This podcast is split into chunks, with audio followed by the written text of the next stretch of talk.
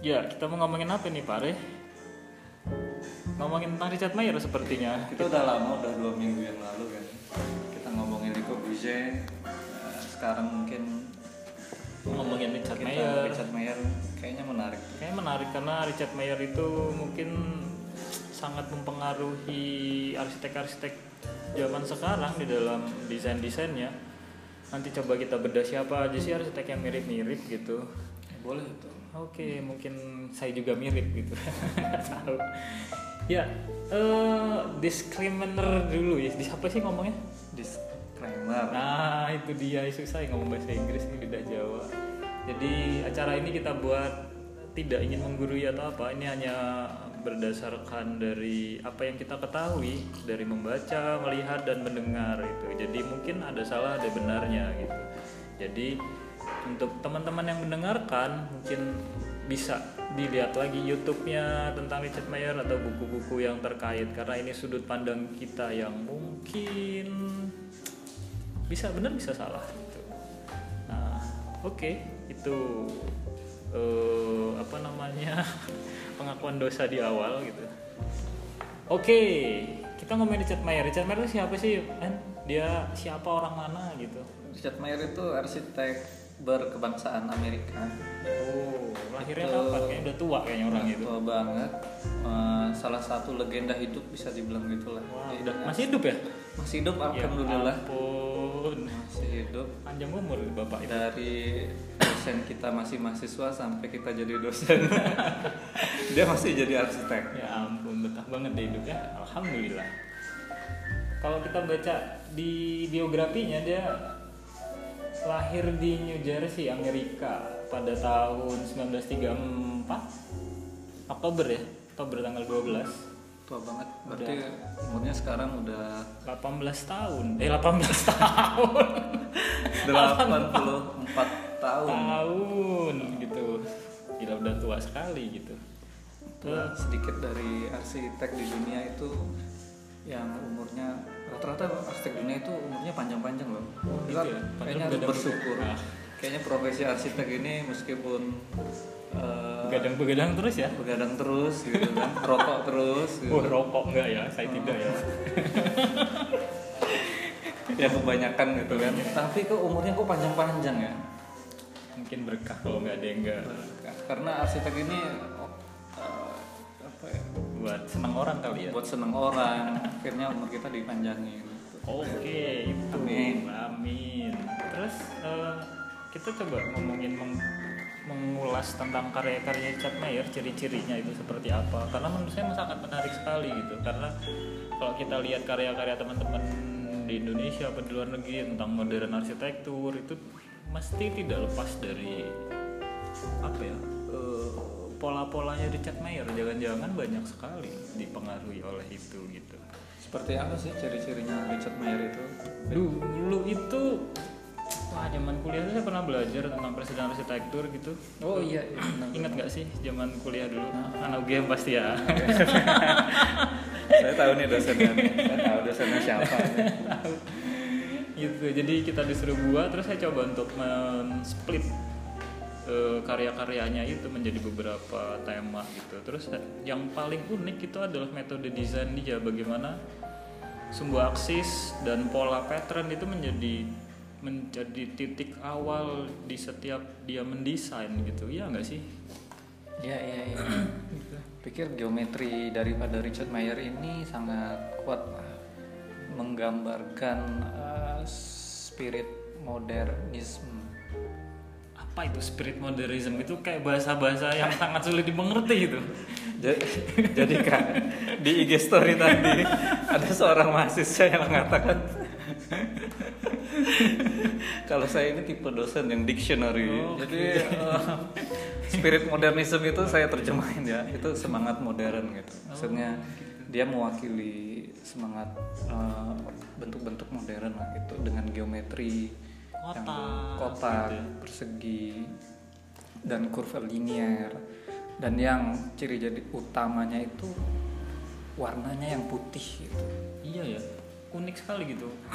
Karena rasanya kalau kita ngeliat hampir semua karyanya dari Richard Mayer itu sangat tidak ada warna lain rasanya. Paling di coloring putih gitu. Apa saat itu mungkin dulu sama propan. Belum menciptakan trend color. Seperti sekarang sehingga seorang Richard Mayer tuh ya sukanya warna putih aja gitu. Kali ya? Apa Iya, gimana mungkin. mungkin, dulu nggak ada sponsor. Oh iya nggak benar ada juga. sponsor cat tapi yang pasti eh, bangunan putih ini apa, sangat terilhami dari Le Corbusier Oh, oke. Oh jadi dia punya pengaruh Le Corbusier punya pengaruh terhadap Richard Mayer gitu ya? Ya saya saya baru tahu. Aku kira sih banyak banget lah karena eh, Richard Mayer ini itu anggota dari kelompok lima arsitek. Wow. Yang namanya sama Jogja Limo udah bubar udah bubar namanya New York Five. Oh New York Five, aku curiga kamu ngasih nama kita Memang. Jogja Limo itu Jadi terbongkar sekarang kalau Jogja Limo itu diambil dari New York Five Oke. yang isinya lima orang arsitek. gitu. siapa aja? tuh? Ingat gak? Ingat gak? Eh, pertama Peter Eisenman, Peter Eisenman kemudian Michael Graves, eh, Charles Courtney, Oh, eh,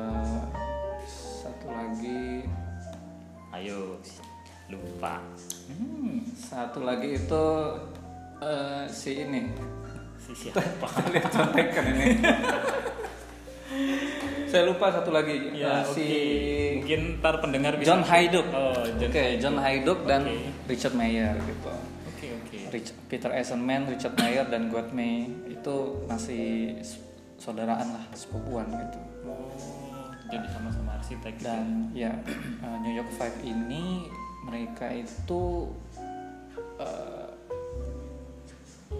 sangat me eh, istilahnya me- me- memuja di Corbusier lah gitu ya. Oh gitu. Jadi Le Corbusier itu sebagai role model mereka hampir Iya, gitu. ya? ibaratnya Le Corbusier itu nabi. Waduh. Dan mereka berlima ini para ulama gitu. Oke. Waduh berat. Jadi kalau kita nggak bisa ketemu sama nabinya, kita belajar dari para ulama. Oke, gitu. masuk Pak Eko. Masuk lah. Oke. karena ah, enggak karena benar nih kalau kalau misalnya kita belajar dari Le Corbusier ya, Mm-hmm. nggak nggak segampang itu loh belajar dari Le Corbusier. Kenapa? Kenapa kok nggak gampang kan? Le Corbusier yang punya pola-pola dengan arsitektur Iya. modernnya itu ya. Nah, menurutku cara yang paling gampang untuk mempelajari Le Corbusier, salah satu cara ya, atau mempelajari dari pengikut-pengikutnya. Oke, salah Contoh, satunya si Richard Mayer. Oke, karena kita lihat di karya-karyanya hampir mirip ya. Ada kolom warna putih, Pilotis, pilotis gitu. dengan prinsip-prinsip Terus gitu. ya. eh, apa? Oke, oke, oke. Bukaan-bukaan jendela yang bebas, kaca, gitu. kotak-kotak. kaca, kayak gitu. Eh, kira-kira contoh karya yang paling sangat mungkin sangat Le Corbusier dari Richard Mayer itu apa? Ya, Kayaknya hampir N. hampir semua sih. Oh, gitu ya. Kita bisa lihat nih salah satu karyanya yang saya ngomongnya apa ini? Susah. Hampir semua, tapi bukan berarti udah mirip dengan misalnya Villa Savoy Oke, kemarin itu enggak, dia punya tapi pembedaan misalnya lah ya. betul eh, eh, persegi dengan bolongan-bolongan gitu kan solid voidnya gitu dan prinsipnya sama sebenarnya dia bermain geometri dia bermain bayangan dan cahaya gitu Oke. Eh, kalau kita lihat lebih dalam lagi, hampir semua karya-karyanya itu tuh cuman ada dua geometri di Richard Mayer itu. Geometri kotak apa bujur sangkar dan bentuk bulat gitu. Karena hampir Iya. semua karya-karya itu hanya dua itu yang di yang ditransformasikan menjadi bentuk berpuluh-puluh karya Richard. Mayer Nah, gitu. di situ letak bedanya Richard Mayer dengan si Le Corbusier. Oh. Le Corbusier itu nggak punya bulat, Beb. Dia kotak-kotak semua gitu ya. Kebanyakan bulat itu bulat ini sebenarnya terilhami dari rotunda. Apa itu? Rotunda itu apa? Semacam kue apa semacam apa itu? Rotunda itu semacam kue yang di dalam kaleng Oke, biskuit. yang isinya ringginan. Ya, Oke, oke. serius, serius, serius. Oke, Jadi oke, oke. rotunda itu eh, istilah dalam arsitektur Yunani apa Romawi ya gitu ya. Ah, mungkin Uh, bentuk bisa bentuk mencari. bulat yang dikelilingi oleh kolom-kolom. Oke. Yang di tiang-tiang itu bukan ya Ya, jadi setiap eh, kita eh, kita kita akan nyinggung Andrea Palladio nih. oke Andrea Palladio itu membuat denah yang seperti palang merah gitu, di tengahnya selalu ada bulat, Oke. ya kan? Nah itu ro- rotundanya itu di tengah biasanya, gitu kan? Nah eh, Palladio ini gayanya atau Palladian style ini kemudian diadopsi oleh arsitek-arsitek Amerika di abad-abad yang kemarin gitu kan? Eh, kemudian menyebar sampai ke Capitol, sampai ke kampus-kampus. Gedung Putih juga mengadopsi dari Andrea Palladio yang ada rotundanya itu yang bulat. Oh, yang bulat di atas itu ya Iya. oke oke Nah, itu yang coba di diadopsi si Mayer tanpa apa istilahnya mentah-mentah gitu. Hmm, di Dengan- transformasi dirubah Iya, gitu betul. Itu yang kita maksud tadi spirit modernnya. oke Coba bayangkan kalau itu diadopsi dengan pilar-pilarnya lagi kayak gitu kan kayaknya gedung nggak- MK ya ada ada tujuh tiang gitu. Iya. terus Mahkamah Konstitusi gitu tujuh apa sembilan tiang ya? Aduh saya lupa ngitung ya Kalau sembilan tiang Karena- itu karena sana untuk demo terus kalau sembilan tiang itu MLI itu. Majelis lucu. ada segitu Indonesia Ada ada empat ya. oke oke itu menurut apa tadi kan istilahnya spirit of Modern. modernism itu teman-teman sekalian itu mungkin eh Iya. menarik keywordnya menarik di di Mayer itu terus apa lagi tuh kayak unik-uniknya tentang material tentang warna tentang bentuk kolom yang ada di Richard Mayer mungkin karyanya apa? Di ini kalau saya ngeliat tuh di Singapura nih ada Camden Medical Center itu Singapura dibangun dari tahun 1990 sampai 1999 kalau teman-teman bisa browsing itu hampir mirip punya desainnya karyanya Ken Yang hampir mirip tentang bentuk bulatnya terus bermain terhadap double fasadnya yang digunakan sebagai apa itu namanya? Solar eh, apa double shading lah untuk untuk pembayangan terhadap sinar matahari gitu kan ya. Itu hampir-hampir mirip. Mungkin kan yang ada pengaruhnya ini juga tapi kita nggak tahu lah gitu. Gitu. Apalagi mungkin yang bisa menggambarkan karya masterpiece-nya Richard Mayer ini yang unik gitu. Eh, mungkin Mus- kayak gereja ya? permainan apa eh, ram gitu. Oh, oke. Tangga jadi biasanya kalau kita tangga itu kita sembunyiin gitu kan. Hmm, karena Di dalam. biar disembut-sembutin lah biar Iya. nggak ganggu fasad gitu ya. Kadang-kadang di dalam aja gitu kan. Tapi Mayer itu ngeliat ini sebagai entitas yang tersendiri gitu. Dia keluarin kemudian dia expose menjadi feature bangunan eh, eksterior bangunannya gitu. Oke jadi expose terhadap tangga. Expose tangganya. expose itu. Terus kalau yang di karyanya yang yang di gereja jubile ya jubile Jubile, saya lupa iya. itu huh? itu yang di di mana ya di Spanyol ya Spanyol ya jadi dia bermain terhadap cahaya bentuk yang lengkung benar bentuk lengkung itu memang merespon terhadap cahaya. Tapi di sini kita cahaya paradigmanya bukan paradigmanya orang-orang ekologis gitu ya. oh yang green green yang arsitektur green, ya green kayak gitu enggak. Oke. Ini sisi puitisnya gitu. Oh, Gimana cahaya itu bisa menerangi ruang dengan apa yang volumenya sangat gede gitu. Ya kan? mungkin saat itu belum ditemukan tentang green architecture dan lain-lain tapi sebenarnya si si Mayer ini udah berpikir secara tidak langsung untuk itu mungkin ya bisa Iya, aku kira sih apa ya mereka ngerti green yang orang-orang ngomongin sekarang gitu aku pikir mereka tuh udah udah lama ngomongin green yang orang orang sekarang ributin gitu tapi uh, i- i- mereka nggak ngambil pusing gitu mereka ngelihat kalau cahaya itu ya udah kita kita ngomong soal puitis oke Itu. ini Ya nggak sis- sih? sisi romantismenya Mayer mungkin ya semua arsitek lah Oke. maksudnya setelah fungsi itu kan beauty Oke. atau sense gitu kan masa kita berhenti di beauty uh, di fun- function aja gitu kan harus ada beauty beautynya Eh, dikit ya. ya, bayangan kayak gitu kan coba lihat arsitek-arsitek Indonesia kalau lagi motret karyanya pasti ada bayangannya gitu kan Ini salah satu karyanya mungkin tentang ngomongin bayangan di Richard Mayer itu Hmm. ada UGO Office Building di Switzerland. Itu selesainya tahun 98, Hmm. mulai desainnya tahun 990. kalau teman-teman itu bisa lihat karyanya salah satu fotonya itu ada interiornya itu bermain tetap terhadap cahaya ya? Betul jadi nah kita bisa lihat tuh bermain cahaya di antara kolom dan balok itu dan apa namanya material gelasnya itu tuh memancarkan bayangan-bayangan. Emang romantis betul ya. betul. Maksudnya dia membuat komposisi bentuk itu nggak sekedar uh, biar kelihatan bagus aja tapi gimana uh, bentuk itu nanti tabrakan dengan cahaya menciptakan bayangan. Oke, itu tujuan dia gitu sebenarnya. Jadi komposisi yang kaya itu begitu kena cahaya itu pasti jadinya bagus gitu.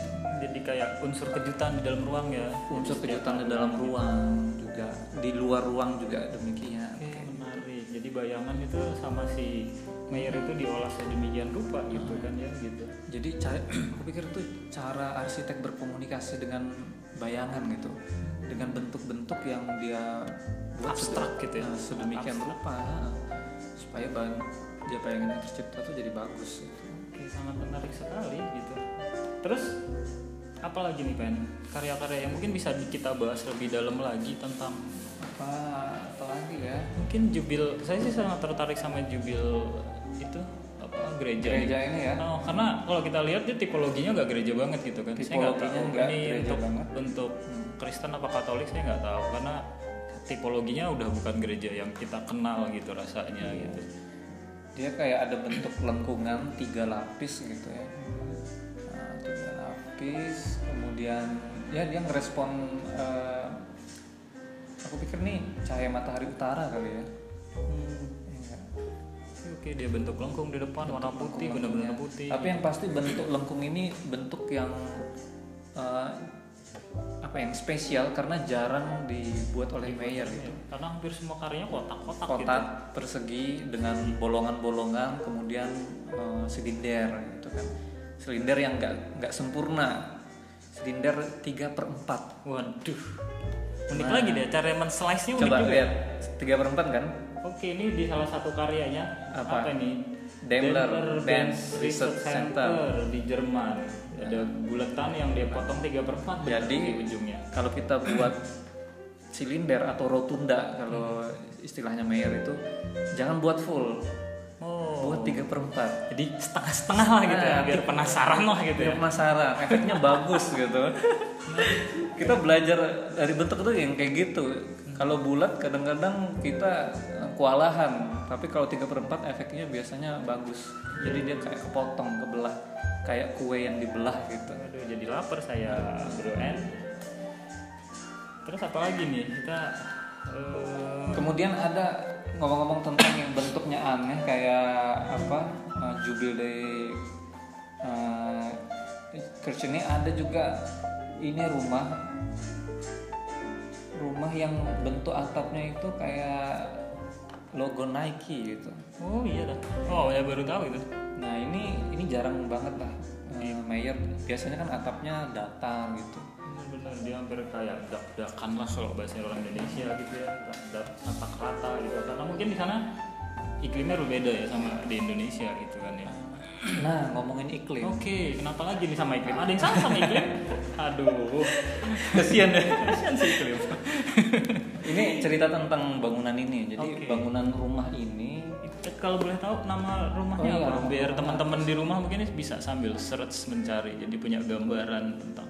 ini namanya agak jontor sedikit nih bibir kita nih Neo Gebauer House Neo Gebauer House. Iya jadi bentuknya itu eh, apa atap pelana yang dibalik Oke. Oke. Jadi Ada gambaran kita, kan? Kita kebayang lah ya kalau kita atap pelana di Indonesia itu kan bentuk segitiga yang biasanya kemarin sempat sempat heboh karena bentuk segitiga. Nah ini dibalik sama dia. Oke. jadi ceritanya itu eh, ini rumah di perumahan real estate ya kan jadi eh, salah satu syarat untuk membuat rumah di real estate ini yaitu punya atap segitiga kalau nggak Segitiga. segitiga nggak boleh dibangun nggak diizinin Oke itu peraturan daerah situ ya. Oke Iya. oke. heeh, heeh. karena mungkin kata-katanya ini masih bisa diselewengkan dalam tanda kutip oleh mayor Ini tips untuk para desainer arsitek itu atau mahasiswa arsitek atau siapa yang dengar gitu. Bagaimana kita mengakali kata-kata kalau nggak peraturan. kalau nggak mengakali eh, pura-pura lugu gitu ya Aku pura-pura lupa. Pura-pura lupa jadi alih-alih Mayer membuat segitiga atap yang apa istilahnya jurainya turun ke, Ke bawah, bawah. gitu dia buat Ke atas. kontras ke atas Oke, pokoknya karena- segitiga gitu Oke, karena tidak ada peraturan Ada keba- peraturan kebalik, yang ke bawah bilang ke kebalik nggak ada Oke, di itu situ salah peraturan ya. Nggak jelas itu. eh, arsitek berpikir kreatif itu Oke. di situ gitu celah-celahnya tuh selalu ada Oke, ada ini pelajaran penting itu. untuk teman-teman bagaimana kita melihat sebuah peraturan untuk lebih Iya. kreatif. Terus terus apa lagi itu? Unik tuh bentuknya segitiga. segitiga tapi salah satu eh, sayapnya itu nggak sama panjang jadi Oke, satu simetris. memanjang yang satu menghadap yang memanjang itu menghadap ke ya semacam kolam gitu ya merespon ya tapak lah nah banyak yang bilang kalau karyanya Mayer tuh nggak ngerespon tapak gitu Oke, kenapa kok gitu? nggak konteks gitu Padahal saat tadi tentang ngomongin rumah ini dia sangat konteks sekali kan ya gitu. Hanya cara berpikirnya Iya, yang- cara berpikirnya unik gitu. Mungkin karena bentuk dia yang putih, terus dia bentuk kotak-kotak, Warnanya yang putih oh, gitu ya. gitu. Eh, itu dianggap tidak konteks gitu ya. Nah ngomong-ngomong warna putih nih kita punya contoh nih eh, Douglas House. Douglas House, yes. Douglas House itu kalau kita ngelihat di gambarnya ini itu sebuah bangunan putih tiga apa empat lantai di pinggir bukit ya. Oke. dan dikerubungi oleh pohon-pohon yang berwarna hijau. Oke, saya ngeliat di Instagramnya juga nih yang baru diupload sama Instagram kantornya Richard Mayer itu ada Douglas House juga gitu. Mm-mm, Dan kita kita ngelihat ini kontras banget bangunannya warna putih, kemudian dikelilingi pohon-pohon yang warnanya hijau. Hampir mirip eh, bangunannya siapa yang di tengah hutan itu yang terkenal itu kan?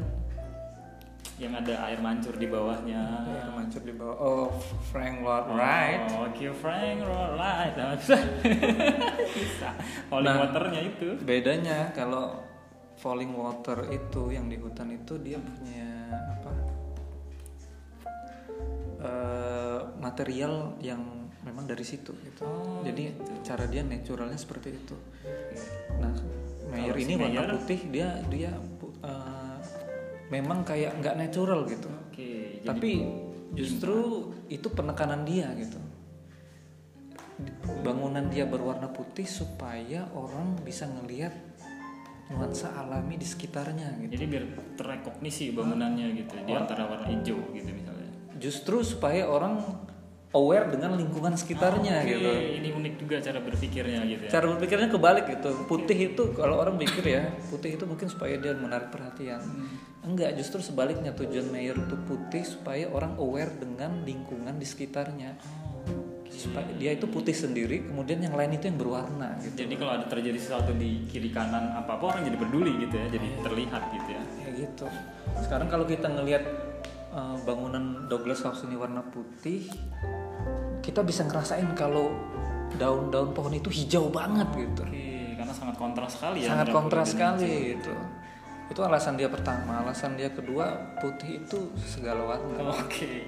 Bukan karena tadi Delok sama Propan belum menciptakan tren color ya. ya ya itu salah satu Kok jadi iklan? itu alasan yang keempat yang mau saya sebutkan Eh, sorry ini bukan iklan ya. ya orang ya nggak boleh ikut sayembara Oh iya. Rahasia. aku gitu. Yang tidak mengikuti sayembara yang tidak disponsori oleh ikatan aku Ada ini jadi ntar mungkin kita buat podcast sendiri nih sama orang yang terkait biar kita konfirmasi gitu. Unik juga sebenarnya. Sih, tadi kita udah ngomongin Oke, tentang karya. yang warna segala Oke. warna gitu kan. Oh. Putih itu kalau spektrum itu terdiri dari warna merah, kuning, hijau, RGB. CMK itu kan. magic kubi, himio ya, kayak gitu. Itu kok inget saya pelajaran Jadi fisika. alih-alih membuat bangunan yang berwarna-warni, putih itu udah segala warna. Oke, dia netral ya. Kenapa? semua warna. Makanya kenapa arsitek nggak suka warna putih kalau pakaiannya kayak? Sukanya warna hitam. Biar kontras juga. Tapi hitam dan putih itu ada yang memperdebatkan bahwa itu bukan warna. Oke, itu apa jadi? Warna itu merah, kuning, biru. Oh, putih sama hitam itu Bukan warna. bukan warna. dia itu merah dan eh, merah hitam dan putih gitu. Dia itu hitam dan putih. gitu. ini bisa dikonfirmasi dicari teman-teman gitu Iya. sumbernya nah kalau kita lihat dari biografinya tadi itu apa Richard Mayer itu lumayan banyak memenangkan beberapa penghargaan skala nasional eh nasional internasional tahun 84 dia pemenang Pritzker Award Pritzker Award ya. Pritzker Pritz gimana sih ngomongnya Pritzker. Pritzker Award gitu tahun 84 sorry ya ini lidah Jawa terus eh, tahun 1988 dia menangkan riba Royal Gold Medal gitu Ternyata dia pelaku riba juga. riba se iki riba dudu riba riba kui ini riba riba, penghargaan. penghargaan. Oh, riba. Iya, iya.